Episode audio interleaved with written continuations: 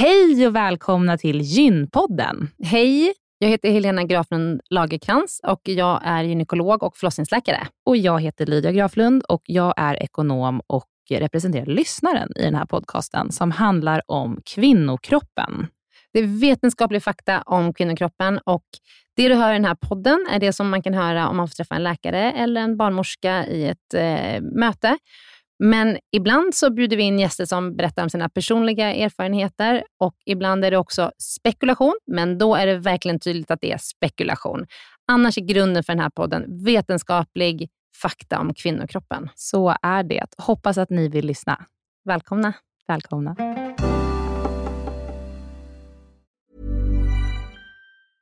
There's never been a faster or easier way to start your weight loss journey than with PlushCare. PlushCare accepts most insurance plans and gives you online access to board-certified physicians who can prescribe FDA-approved weight loss medications like Wigovi and Zepbound for those who qualify. Take charge of your health and speak with a board-certified physician about a weight loss plan that's right for you. Get started today at plushcare.com slash weight loss. That's plushcare.com slash weight loss. plushcare.com slash weight loss. Den här veckans avsnitt av Gynpodden är sponsrad av Ester Care. Och Helena, det är ju det bolaget, vårdbolaget, som du och jag har varit med och startat, där vi erbjuder digitala vårdmöten med specialister inom kvinnovård. Precis. Och vi vet att det är väldigt mycket vårdpersonal som lyssnar på Gynpodden, vilket vi är jätteglada för. Och vi behöver alltid fler gynekologer till STKR. Så därför vill vi nu göra en shout-out till alla er som lyssnar där ute som vill vara med och förändra svensk kvinnovård. Vi söker specialister inom gynekologi, men också ST-läkare som har kommit en bit in i sin ST och som vill arbeta digitalt eh, med handledning på, hos oss på STKR. Mm. Och precis som det är för våra patienter som kan söka vård hos oss, det vill säga att de kan bo vart som helst i landet eftersom vi är digitala. Om man laddar ner appen och så bokar man ett vårdmöte, så kan ju även läkaren bo vart som helst i landet eller flytta under tiden man jobbar hos oss. Det är ju väldigt, väldigt flexibelt eftersom eh, man jobbar hemifrån. Och Jag tänker att det måste ju också vara helt underbart att som läkare kunna arbeta hemifrån och planera sin egen tid några dagar i veckan. Ja, verkligen. Och samtidigt vara med och förändra kvinnovården med kollegor som är otroligt drivna och engagerade. Det är jätteroligt att jobba på SDKR. Och jag tycker att det här är en häftig grej som vi gör just nu, att vi erbjuder gyn, äh, gynvård i hela landet. Och vilka är de vanligaste patientmötena du tar, Helena? Ja, men det är ju klimakteriet, eh, PMS, eh, mensbesvär. Och det är ju såklart Eh, ärenden och eh, diagnoser som går att hantera digitalt. Men vi remitterar också vidare när det behövs mm. Eh, och tar labbprover när det behövs mm. och så vidare. Mm. Så gå in på sdcare.com, klicka på jobba hos oss i menyn för att läsa mer och skicka in en ansökan. Tack så mycket. Tack och välkomna. Hej, välkomna till Gympodden. Välkomna. Idag så har vi faktiskt en återkommande gäst. Ja. Rebecka Kaplan Sturk. Välkommen. Sa du det rätt den här gången, Helena? Du fick säga det tre gånger förra gången. Jag vet, men jag trodde på första. Nej. Nej. Stursk. Nej, inte Nej. det heller.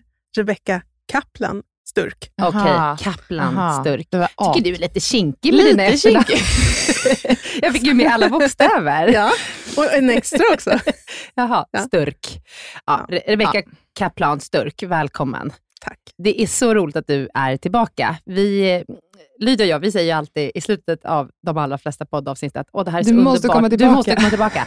Och nu var det faktiskt så att för eh, ett par veckor sedan var du hos oss och poddade om eh, kost och eh, kvinnohälsa. Och kvinnohälsa. Det är otroligt mm. populärt avsnitt. Mycket. Mm. Det, det, får vi, det ämnet får vi prata om igen. Ja, det måste vi göra. Mm. ja. Så det var jättekul. Och nu har ju du släppt en bok som vi ska prata om jättemycket. Mm. Men jag tänker först att jag ska ge en liten intro för er som ännu inte lyssnat på Rebecka i vårt förra poddavsnitt. Mm. Rebecka är specialistläkare i obstetrik, alltså förlossningsvård och gynekologi.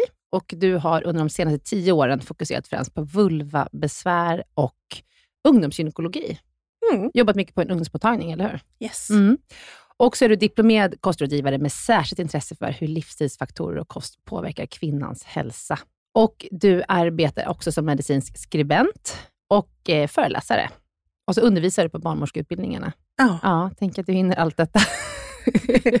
Mitt dygn har 48 timmar. Det är så mm. bra. Och du trycker in en Gynpodden igen. Tack mm. för det. Det är någonting med er läkare. Alltså Helenas dygn har ju också 48 timmar. Mm. Det är helt otroligt vad ni är effektiva. Undrar om det är ett drag hos er, eller om ni bara gör saker lite halvdant. Jag, jag tror att du... Oh, ar- aj, aj, aj, vilken Ja. roast. Ja, verkligen. Skojar! Jag, Jag tror skojar. att man, när man börjar jobba, då inser man att man måste ha 48 timmar eh, för att hinna med. Som, Ja. Hur, hur ansöker man om 48 timmar på det? Nej, men det, är, det är till Inspektionen för vård och omsorg faktiskt.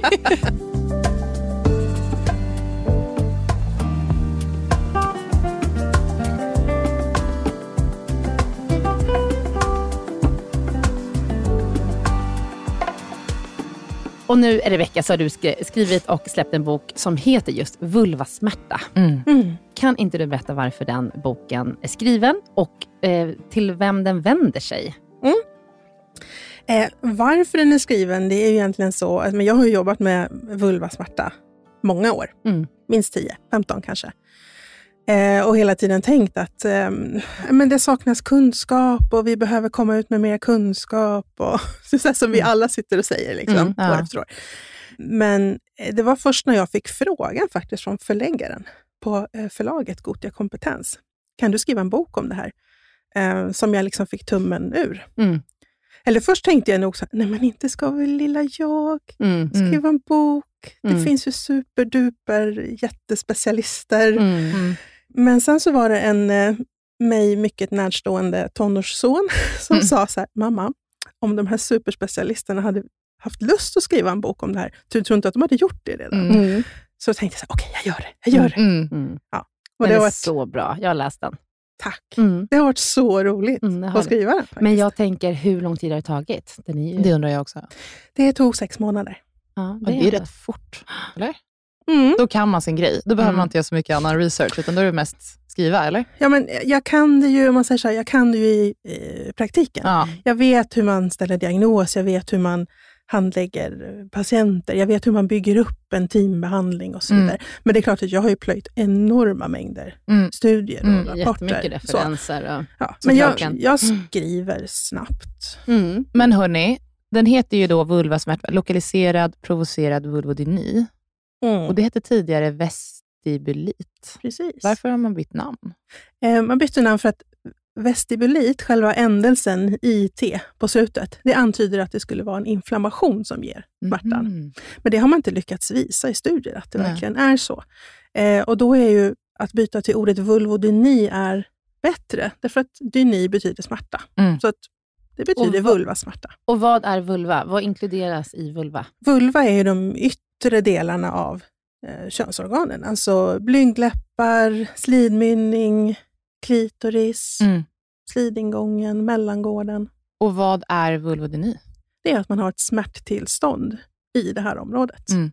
Och då finns det ju olika typer av vulvodyni också. Det är därför den har undertiteln lokaliserad, provocerad. Det är en viss typ av vulvodyni. Ja. Ska vi börja med, vi Mm. går direkt in på vad är det för någonting? Vad är Mm. det för, för slags smärta? Ehm, att den är lokaliserad, eh, det betyder att det är ett, ett visst ställe i vulva som gör ont. Och Det är det som man kallar för vestibulum. Det betyder hallen. Så det är egentligen området precis runt slidmynningen, eller snarare liksom den bakre sidan av slidmynningen. Mm. Eh, Den mot anus alltså? Ja, Mm. precis. Ja, okej. Till skillnad från den typen av vulvasmärta som kallas för generaliserad. För då gör det faktiskt ont i hela vulva. Mm. Alltså i blygdläppar, i slidmynning, liksom ut i ljumskar, upp på venusberget. Och den här lokaliserade, provocerade vulvodynin, den drabbar mer yngre kvinnor Precis. och till och med flickor. Mm. Vill, hur, har de yngs, hur gamla har de yngsta patienterna varit som du har träffat? Den yngsta var 11 när hon sökte och då hade hon faktiskt haft problem i några år Mm. redan. Går man, alltså, har, man, har man smärta då kroniskt, eller är det liksom när du, eh, ja, jag vet inte, sätter in en tampong tänkte jag säga, men, Mm. men det har hon ju inte gjort om hon kanske... Berätta Inte om det i flera Ja, år. Så, nej, men om, man, om man säger det här med kroniskt, eh, just det här att den kallas för provocerad, Mm. det är ju att den här typen av smärta uppstår i samband med eh, tryck mot vävnaden Mm. eller beröring till exempel. Mm. Till skillnad från den typ av smärta som lite äldre kvinnor kan ha, som kallas för oprovocerad. Det vill säga det gör ont hela tiden, oavsett vad de gör. Står, går, sitter, sover. Men den här unga tjejen, om vi bara Mm. börjar liksom med, det är ju lite ytterligheter, de flesta är Ja, ju är det. såklart inte 11 år, men vad har en sån flicka för, när har hon ont?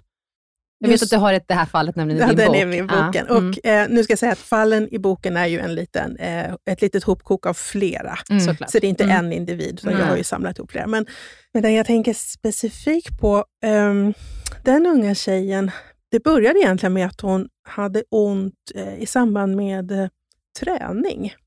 Det gjorde ont när hon blev eh, svettig, när svetten liksom rann mot slemhinnan i underlivet och det gjorde ont när hon simtränade. Mm. Och sen Gud, så småningom så blev det också Mm, liksom ja. smärta när hon hade tajta kläder, ja, smärta om hon satt ner väldigt länge, Mm. när hon försökte cykla till skolan. Ja. Och vad tror man är bakgrunden till att en sån ung person får den här smärtan?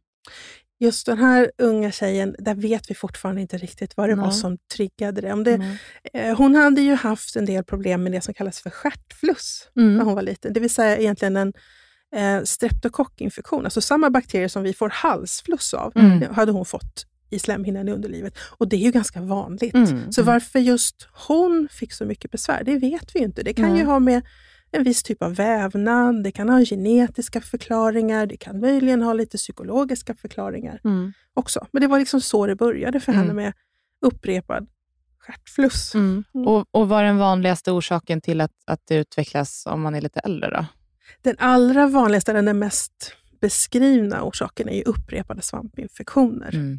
Mm. Vilket ju är vanligt. Vilket också är vanligt. Mm. Det betyder inte att alla som har upprepade svampinfektioner får vulvodyni. Nej. Utan det behövs ju oftast en, en, en, en mängd olika orsaker. Mm. Att man ja, kanske har upprepade svampinfektioner, men kanske också att man har något typ av psykologiskt eh, trauma, ett anknytningstrauma, eller att man har svårt att hantera stress. Eller, ja, det behövs ganska många komponenter för att det ska bli en vulvodyni. Mm. Men eh, kan, är liksom, finns det en typ person som ut, eh, utvecklar vulvodyni, tycker du? Är det mycket stress och, som kan vara en viktig faktor? Mm. Om man ska generalisera lite, Mm. och jag tänker på dem jag träffar framförallt på ungdomsmottagningen, Mm. Så visst är det väl ganska många av dem som är eh, högpresterande, höga krav på sig själv, inte lyssnar på kroppens egna signaler, inte avbryter samlag som gör ont, till exempel. Den här Mm. eh, bit ihop och kämpa på-typen. Mm. Mm. Precis, Ja. just det. Okej, men så det kan drabba unga tjejer och då har man ju inte börjat eh, ha, liksom, ha samlag. Så att det, Mm. För du sa tidigare någon gång att du, du vill liksom ändra lite på det att man pratar om samlagssmärta. För det här är ju väldigt ofta så att man går in på att det gör ont när du har sex, men det här handlar ju om så mycket mera.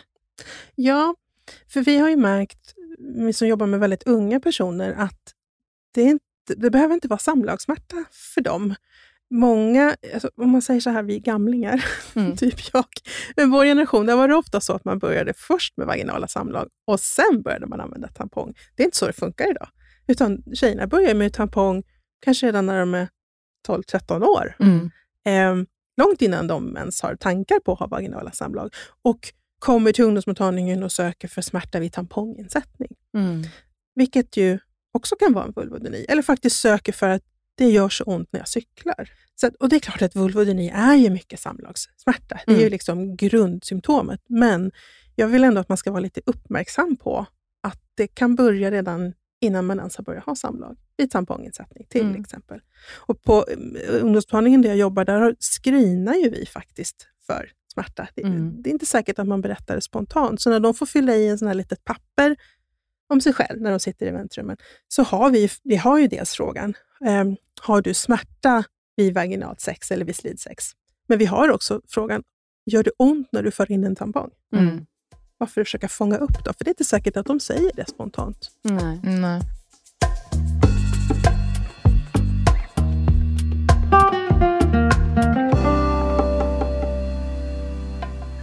Hur vanligt är vulvodyni?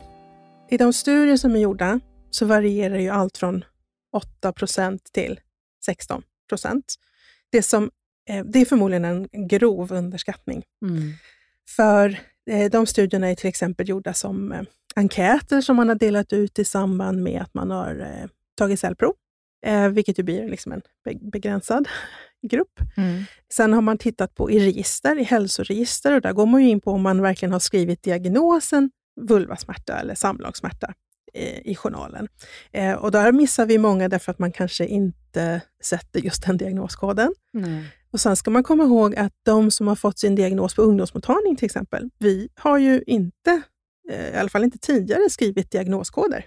Nej. Det började vi med för några veckor sedan faktiskt, där jag Mhm. jobbar. Så att de som går på ungdomsmottagningen får behandling eller går hos barnmorska eller eh, så. Mm. De, eh, de har vi ju tappat i registret. Mm. Och vilken ålder är det vanligast?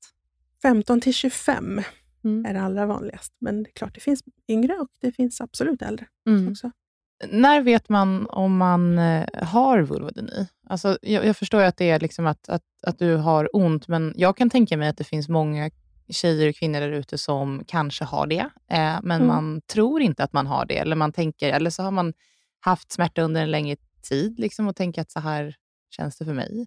Mm. Hur skulle du bäst liksom beskriva för dem som undrar lite så här, om man kanske har det problemet? Att ja, Känns det så här så, så borde du söka hjälp. Mm. Ehm, alltså, för att få diagnosen vulvodyni så säger vi att man ska ha haft ont minst tre månader. Så att, att det gör ont vid någon enstaka tamponginsättning eller något enstaka eller ett par samlag, det behöver ju absolut inte vara vulvodyni. Nej. Men om man eh, liksom ser ett mönster att eh, jag har ont vid varenda, i stort sett varenda samlag, eller det gör Mm. ont varje gång jag för in en tampong, då ska man söka vård. Mm.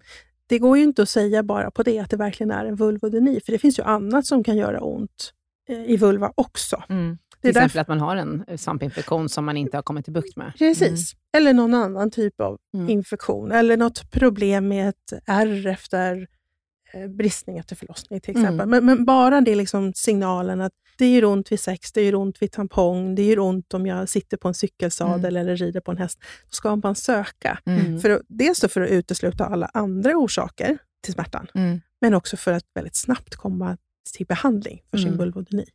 För ju fortare man kommer till behandling, ju bättre är prognosen. Ja, Mm. det är det. Så gå inte och dra med det, Nej. Nej. helt enkelt. Men du, varför skrev du den här boken? För fakta, eller den här informationen och kunskapen finns ju eh, hos gynekologer, eh, men det är, väldigt, det är ganska hö, högspecialiserade gynekologer som kan detta. Så varför skrev du den här boken? Dels för att jag tyckte att det var eh, lite för få gynekologer Mm. som hade bra kunskap. Mm. Men sen också för att jag tyckte att det behövdes inte bara höjas hos gynekologer, utan hos andra också. Elevhälsa, ungdomsmottagning, kuratorer, fysioterapeuter. Alltså alla vi som ska jobba i team, alla vi som kan på något sätt träffa på de här personerna, behöver kunna mer. Mm. Men också för att jag ville visa på att um, vulvodynibehandlingen, alltså det pratas mycket om de här specialiserade vulvamottagningarna som vi Mm. har i Sverige, vilka är liksom fantastiska. Men det är ganska få av alla kvinnor med vulvodyni som hamnar där. Mm. Eh, jag ville visa på vad man kan göra på en ungdomsmottagning. Mm. Vad kan man göra på en eh, gynmottagning? Eh, hur kan man faktiskt jobba med teambehandling för vulvodyni utan att faktiskt ha teamet på plats? Mm. Att knyta kontakter liksom med fysioterapeut eller kurator utanför. Eller hur kan man på en ungdomsmottagning liksom från scratch bygga upp en teambehandling som vi gjorde på Ekerö till Mm. exempel. Så hur ska man göra då? Vad, hur ska man arbeta kring patienter som har vulvodyni? Man ska ju jobba i ett team där det är flera eh, yrkeskategorier i samma grupp. Någon slags eh, minimi eh, är väl att man har gynekolog, kurator, barnmorska, fysioterapeut, gärna i teamet om det går, eller eftersom det är en väldig brist på fysioterapeuter som är inriktade just på kvinnors hälsa, så Mm. kan man också ha en barnmorska som är specialutbildad inom bäckenbotten, eller vi har på min ungdomsmottagning så har vi en barnmorska som är eh, instruktör eh, i yin-yoga. Och yin-yoga handlar väldigt mycket om, om avspänning och eh, att släppa taget om muskelspänningar. Så Ja, det det kan vara ett För Komplement. in oss lite på behandlingen Mm, i sig. mm. Du pratar ju om den från ett sjukvårdsperspektiv Mm. och nu från, från liksom kvinnans perspektiv. Vad är behandlingen? Men som, förut har man sagt att behandlingen står på tre ben, men jag har ändrat det i min bok och sagt Mm. att det står på fem ben. Mm.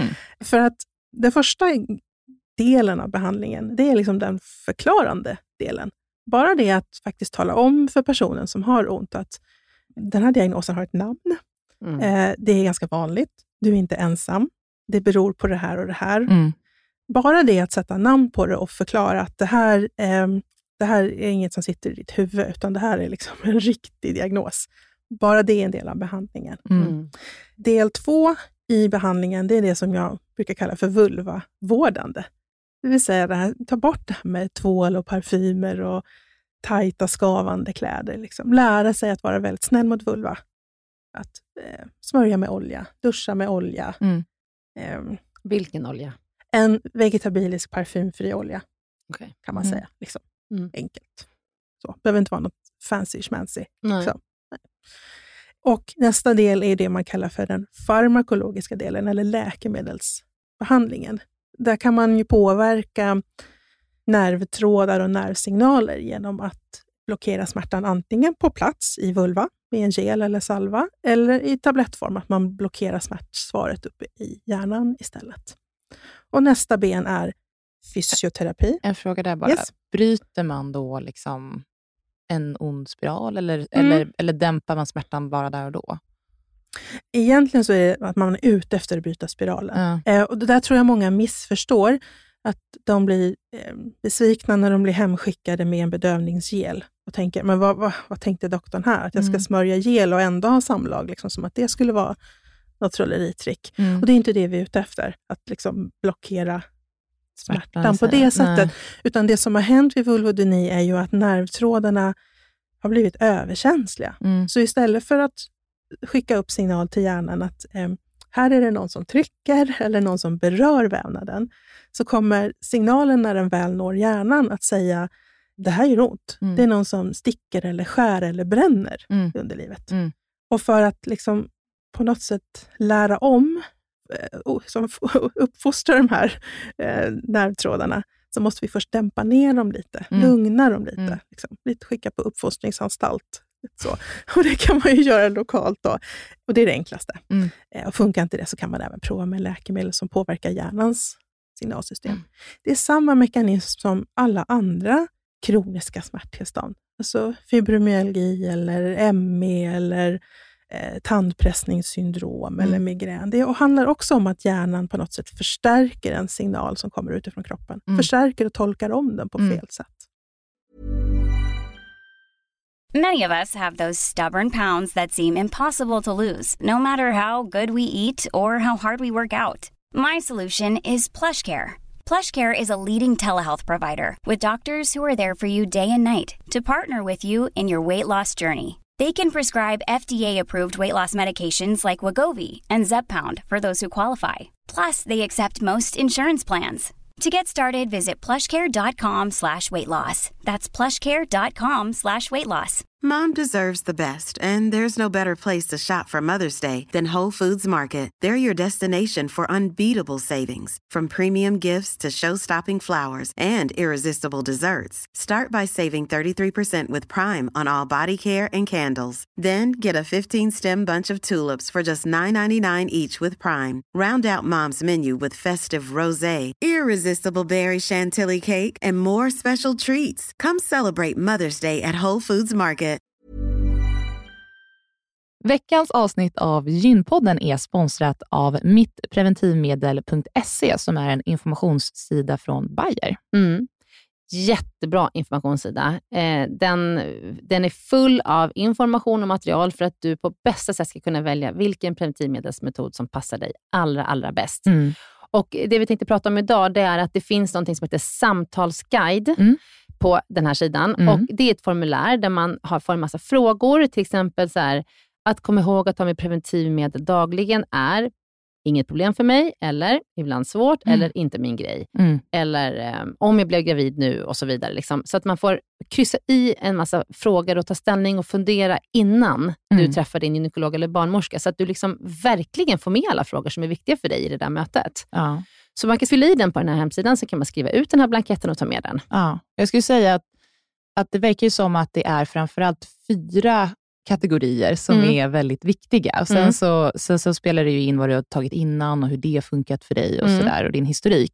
Men det verkar ju som att det handlar mycket om hur liksom ordningsam man är, eller hur strukturerad man är, att kunna ta någonting dagligen. Mm. Eh, hur viktigt det är att man inte blir gravid. Eh, användning av hormonella preventivmedel eh, och om man vill påverka sin menstruation på något sätt. Mm. Så det verkar som att det är de fyra kategorierna som man, man bör fundera på innan Mm. man väljer ett preventivmedel. Man får bra guidning i hur man ska svara på de här, eh, med olika kategorier, olika svar. Och Sen så tar man med sig det till sitt möte med barnmorska och gynekolog och då är man väl förberedd. Mm. Och Jag lovar er att om ni gör det här innan ni går eh, till en barnmorska eller gynekolog, då kommer ni få mycket bättre hjälp. För att det här är liksom ingenting som bara finns i en, utan man måste liksom fundera lite på Ja. så här, vad är viktigt för mig. Vill jag ha mens eller inte? Ja. Och så vidare. Så att, gå in på mittpreventivmedel.se och titta runt där och gör den här eh, ja, samtals, samtalsguiden. samtalsguiden. Tack Bayer för att ni har utvecklat denna braiga sida om Ja. preventivmedel. Det är otroligt bra. Mm. Tack så jättemycket. Tack.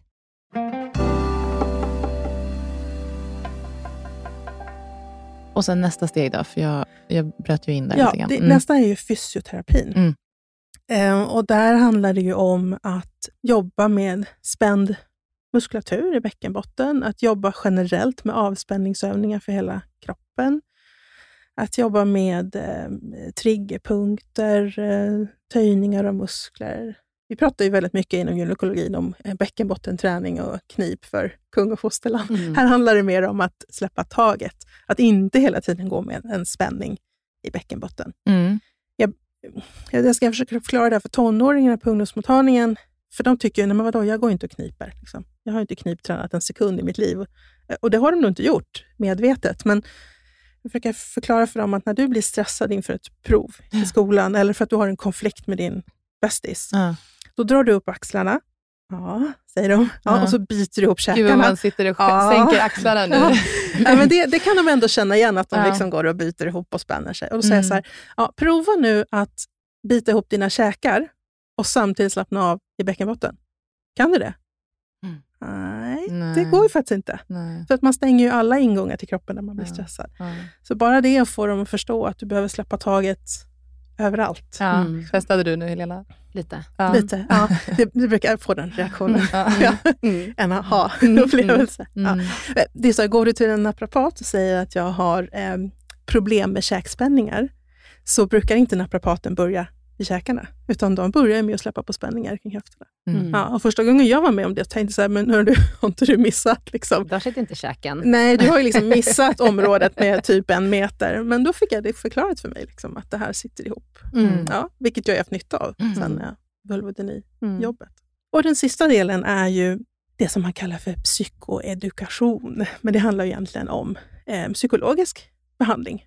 För att kropp och själ sitter ju faktiskt ihop och även när det gäller smärttillstånd. Mm. Här, så här är det ju det, dels en del liksom att prata kring det här med eh, sexualitet och samlag och varför avbryter man inte när det gör ont. Mm.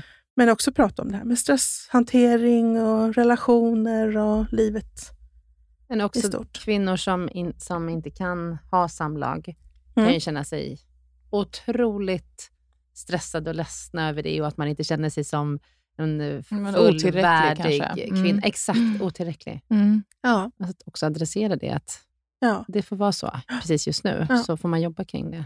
Och jag menar, liksom, kvinnor som är i 25, 30, 35 års åldern, där blir det ju mycket tankar kring eh, hur ska jag kunna bli förälder om jag Mm. inte kan ha sex? Mm. Men de här unga tjejerna, där är det mer sådana här funderingar kring, eh, eh, men är det fel på mig? Alla andra har ju sex. Mm. Eh, varför kan inte jag? Mm. Man ska ju vilja ha sex. Mm.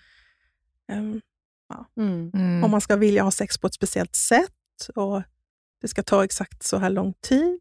Alltså många av de här tjejerna, när man pressar dem lite så här, ja, men hur har du sex och hur länge håller ni på? Mm. Ja, då är det många som beskriver att de har ju, de har ju liksom fått en bild av porren. Det är där de har lärt sig sex, Mm. både tjejerna och killarna. Och för dem så kan det då vara så här, nej men ett samlag det ska pågå i 45 minuter. Mm. Och tänker jag, vilken slemhinna i slidan gillar det? Mm. Mm.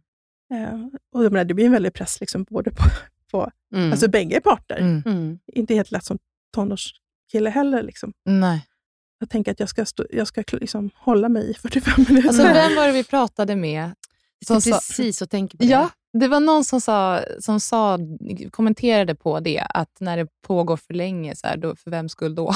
alltså, Mm. Ja. sen, sen så är det ju olika i alla situationer såklart, men ehm, ja, det är, eh, det är ju Det är väldigt tabubelagt bild. att Ja. prata om det och då blir det ju svårt att kanske få annan input än Mm. den du i så fall får från din partner. Var inte Eller det på porr föreläsning? till exempel. Ja, det var Nina det var Rungs Nina ja. Mm. föreläsning Mm. när vi var på, på Gotland på de här Ja. OGU-dagarna. Mm. Mm. Ja, Vi ska podda med Nina Rung Ja, om detta. kring porr och Mm. Mm.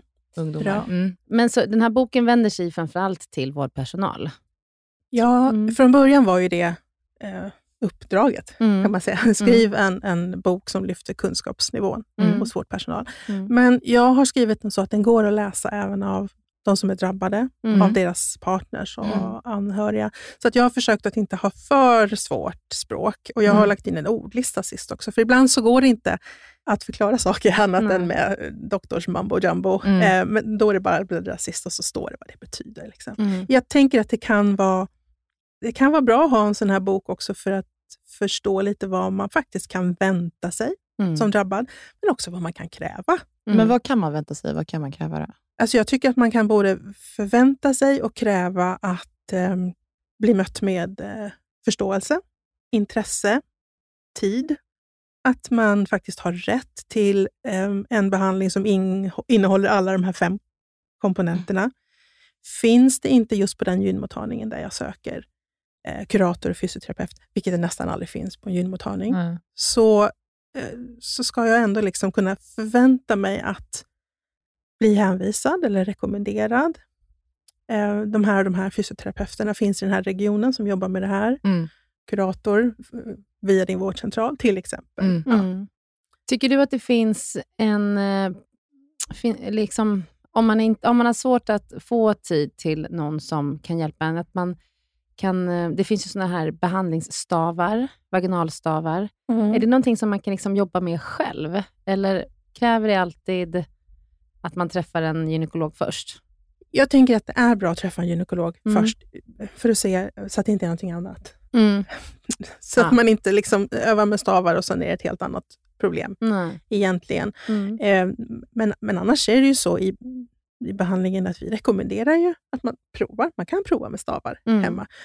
Och då är ju inte meningen att man ska göra det för att töja någon muskel, utan det är mer för att sakta men säkert vänja vävnaden och liksom Mm. lära om att det här är beröring och tryck, det är inte smärta. Men det, om det inte är så att man... Tänker att man bor väldigt långt ifrån en kvinnoklinik eller en gynmottagning, eller Mm. att man inte riktigt får gehör där man bor Mm. så är det faktiskt så att enligt patientlagen har man rätt att söka öppenvårdsbehandling var Mm. som helst Mm. i landet. Mm. Så att man tänker på det. Att, jag menar, finns det inte en vulvamottagning i min region så har jag rätt att få remiss till Mm, en annan ja. region. Mm. Ja. Jag kan söka ungdomsmottagning eller gynmottagning i, i eh, regionen intill. Behöver du ens ha en remiss? Kan du inte bara ringa? Eh, nej, men till en vanlig gynmottagning, eh, de flesta regioner har ju, när det gäller sån här öppenvårdsmottagning som ligger utanför kvinnokliniken, de har inte remisstvång. Eh, däremot kan det vara det på kvinnokliniken. Mm. Eh, ungdomsmottagning behöver du ingen remiss Nej. för. Eh, så att det är bara att Mm. höra av sig. Ja. Mm. Eh, jag tänker, kan... eh, jag tycker ju alltid att det är väldigt intressant med liksom personliga eh, Mm. porträtt. Liksom, vem, vilka är de här kvinnorna? Och Jag vet att du har flera i din bok. Mm. Eh, liksom, ve- vem, vem, som, vem det här är. Bara för att man ska få en förståelse för att se vad, liksom, att det kan skilja sig så mycket åt. Mm. Har du någon mera på lager? Färskt i ditt På huvud. lager. Ja, vi har ju pratat lite om, om de här väldigt Den unga unga. flickan, ja. Ja. En som jag, en personlig favorit, Mm. Nej, men den som var, verkligen var en sån ögonöppnare både för mig och för patienten, det var en, en tjej som, eh, det här var inte på ungdomsmottagning, hon var ganska precis fyllda 23 och eh, gick i behandling för vulvodyni. Eh, Men det var lite haltande. Liksom. Det var lite så här, två steg framåt, ett och ett halvt tillbaks Mm. hela tiden. Och Hon var ju så extremt eh, begåvad och duktig och struktur på allting. Hon gjorde ju liksom nästan såna Excel-filer där hon skrev hur ont hon hade och liksom korrelerade till sin menscykel. Ja, hon försökte tracka liksom. sina symptom. Ja, Mm. väldigt sådär. eh, Hon hade jättebra koll på det. Um, gjorde sina smörjövningar och allting sånt. Det som vi inte lyckades med var att få henne att gå till en kurator. Mm. För hon sa så här, mina problem eh, sitter i vulva, sitter inte mellan öronen. Mm. Och jag kände att det kanske var lite därför vi inte kom någon vart heller, att hon hade den här spärren. Så att jag gjorde en liten luring och så ändrade jag i hennes Excel-filer och så sa jag så här, nu vill jag att du istället för menscykeln skriver upp, eh, du ska fortsätta tracka din smärta, men du ska skriva upp eh, när har du en tenta, eh, när har du tagit ett extra pass på ditt eh, extra jobb, eh, när har du haft gräl med en kompis eller en Mm. förälder, när har du gjort något roligt? Och så fick hon göra det ett litet tag. Eh, och sen kom hon tillbaks liksom, med ögon stora som eh, tefat och sa så här, okej jag fattar vad du menar. För då kunde hon se att eh, smärtan blev ju värre i samband med tenta eller när hon hade uppkörning för körkort Mm. eller ja, någon Mm. annan stressgrej. Mm. Så. Och då hade hon till och med eh, på eget bevåg börjat skriva upp ehm, också, inte bara vulvasmärta, utan när hon hade ont i käkarna eller när hon hade ont i nacken. Mm. Och då, då fattade hon ju liksom vad jag menade. Ja, att det hänger ihop. Ja, Mm. och då var det så här, ja men okej, stresshantering hos kurator, jag, jag förstår vad du menar, jag köper Mm. det. Och, och sen var det liksom, det blev så mycket lättare. Ja. Det gick så mycket bättre. Ja. Mm. Och det är ganska vanligt att de har en lite så här, men kurator, varför då? Mm. Eller psykolog, varför då? Mm. Det här sitter man- i fiffi. liksom. Ja, och jag tror att man tänker att det här kan jag pusha igenom. Eh, om, Ja. jag bara, om jag bara liksom gör det som fysiskt krävs här Ja. och nu och sen Ja. så får huvudet hänga med. Mm. Det blir man ju lite varse om när man blir äldre. Mm. att man behöver även ta hand om sitt huvud. Mm. Ja. Ja. Mm. Ja, nej, men jag tror just vulvodynibehandling, så eh, det här bit ihop-metoden funkar inte så bra. Nej. Eh, eh, bryt ihop-metoden funkar lite bättre. Ja. Bryt ihop och prata Och sen- om det. sen kommer du ur det starkare.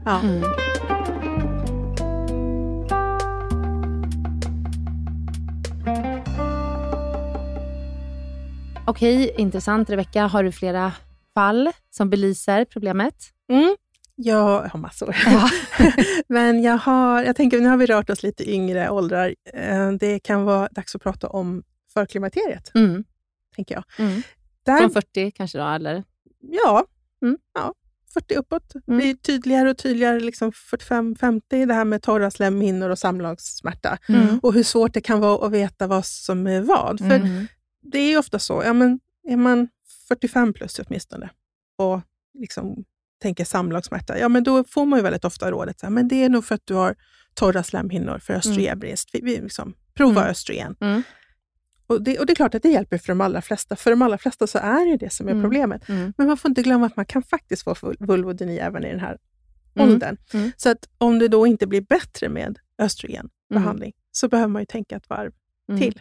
Och där hade jag en patient som hon var nästan 50, men hade fortfarande menstruationer i alla fall, regelbundna menstruationer, som hade sökt, eh, jag vet inte hur många gynekologer för samlagssmärta och provat i stort sett alla östrogen, lokala östrogenpreparat och även en del eh, icke-lokala, alltså tablettbehandlingar och inte fått någon ordning på det. Mm. Och tittade man liksom i journaler lite från undersökningar så hade alla skrivit, skrivit liksom, nej men allt ser fint ut. Mm. Ehm, så det var inte uppenbart att det var torrt när man tittade heller. Så, och när hon kom till mig så tänkte jag, nej men nu får vi liksom, vi börjar om från början lite så här. Så pratade vi lite om när det hade börjat och det hade egentligen börjat i samband med när hennes yngsta barn föddes. Hon hade fått en ganska rejäl förlossningsbristning och hade haft problem liksom, egentligen sedan dess. Men värre de senaste åren. Och hon hade en klassisk eh, provocerad, lokaliserad vulvodyni. Alltså Mm. det här att det är precis i slidmynningen och bara vid tryck eller samlag. Och då, eh, efter lite fiskande, så, så kom, för, kom vi fram till att hon hade ju efter den här bristningen haft rätt mycket problem och fått rådet knip, Mm. knipträna. Så det hade hon ju gjort. Hon har egentligen gått och knipt hela tiden. Mm. Men jag vill minnas från, jag måste bara flika in, Mm. vi, vi poddade ju med Mia kring Mm. Från eh, Baking Babies. från Mm. Baking Babies om Mm. träning efter graviditet. Och Då sa jag så här, ah, men man ska väl knipträna? Och Mm. då sa hon, nej. Mm. Det är tvärtom, eller det är avslappningen man är ute efter. Ja, men, ja, både och. Alltså, både förstärka eh, Ja. musklerna i, slida, i slidan, men också att lära sig slappna av. Ja. För det är ett Och det var väl det problem. som var poängen? Eller liksom, det är väl det man är ute efter? Eller nej? Nej, alltså, Minns jag fel? Ja, det är jättebra knip, att öva knip när man har en, liksom, slappa muskler i underlivet. Men Mm.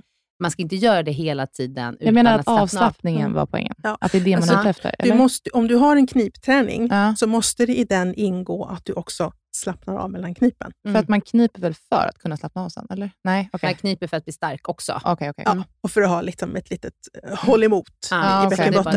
Mm. Men, men man får inte runt och knipa hela tiden. Nej. Vilk- och det hade den här kvinnan gjort liksom i alla situationer. Knip, knip, knip, knip, knip. Eh, Och fokuserat enormt mycket på, på, en, på sin bäckenbottenträning. Och till slut så kunde hon inte släppa taget. Nej. Mm. Alltså avslappning, det hade hon ju helt eh, missat. Ja, okej.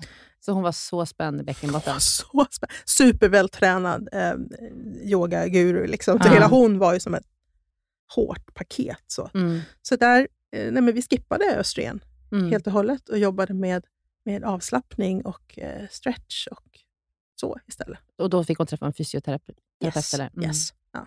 Och fick lite så basic övningar eh, av mig och lite smörjövningar och tänjövningar. Men sen fick hon ju träffa ett superproffs Mm. också, såklart.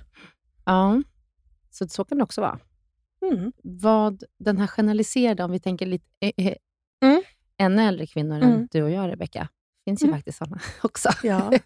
vi, vi, vi relaterar så här, lite äldre kvinnor, så 40 sitter man här själv och är för snart 42. Men eh, det är för att vi jämför med 23-åringar Ja. såklart. Men jag tänker den här generaliserade smärtan i vulva Mm. Som drabbar, hur, vi- vilken ålder är det på de kvinnorna ungefär i medel? De är ju oftast över 60. Och vad är de utlösande faktorerna där?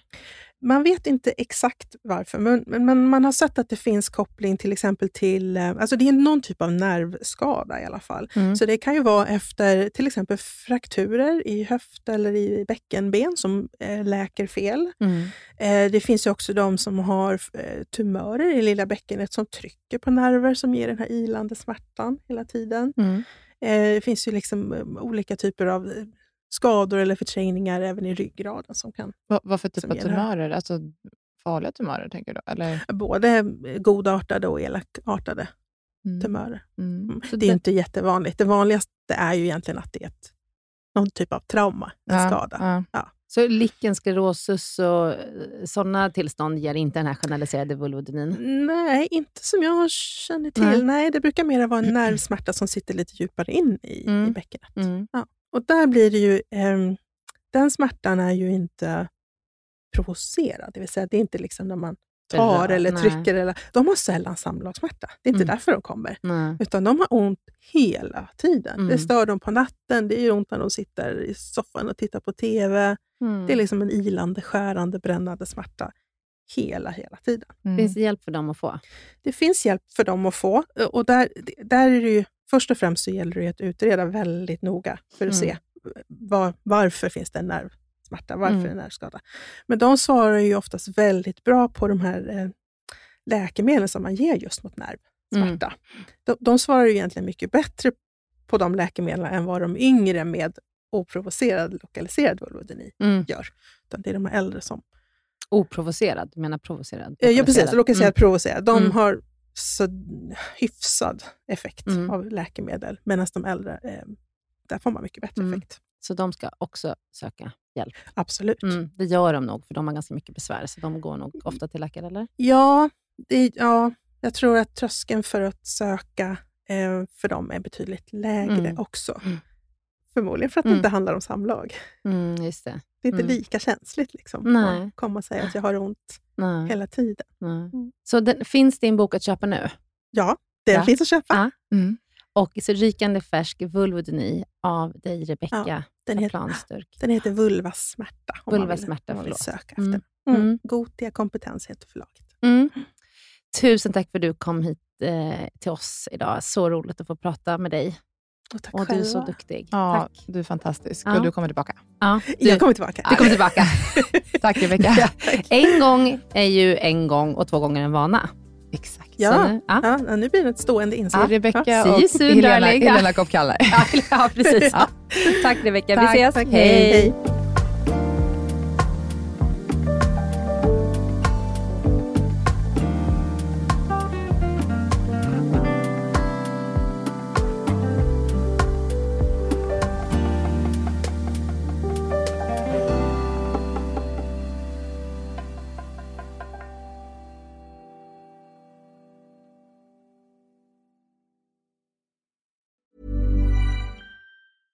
Mom deserves the best, and there's no better place to shop for Mother's Day than Whole Foods Market. They're your destination for unbeatable savings, from premium gifts to show-stopping flowers and irresistible desserts. Start by saving 33% with Prime on all body care and candles. Then get a 15-stem bunch of tulips for just $9.99 each with Prime. Round out Mom's menu with festive rosé, irresistible berry chantilly cake, and more special treats. Come celebrate Mother's Day at Whole Foods Market.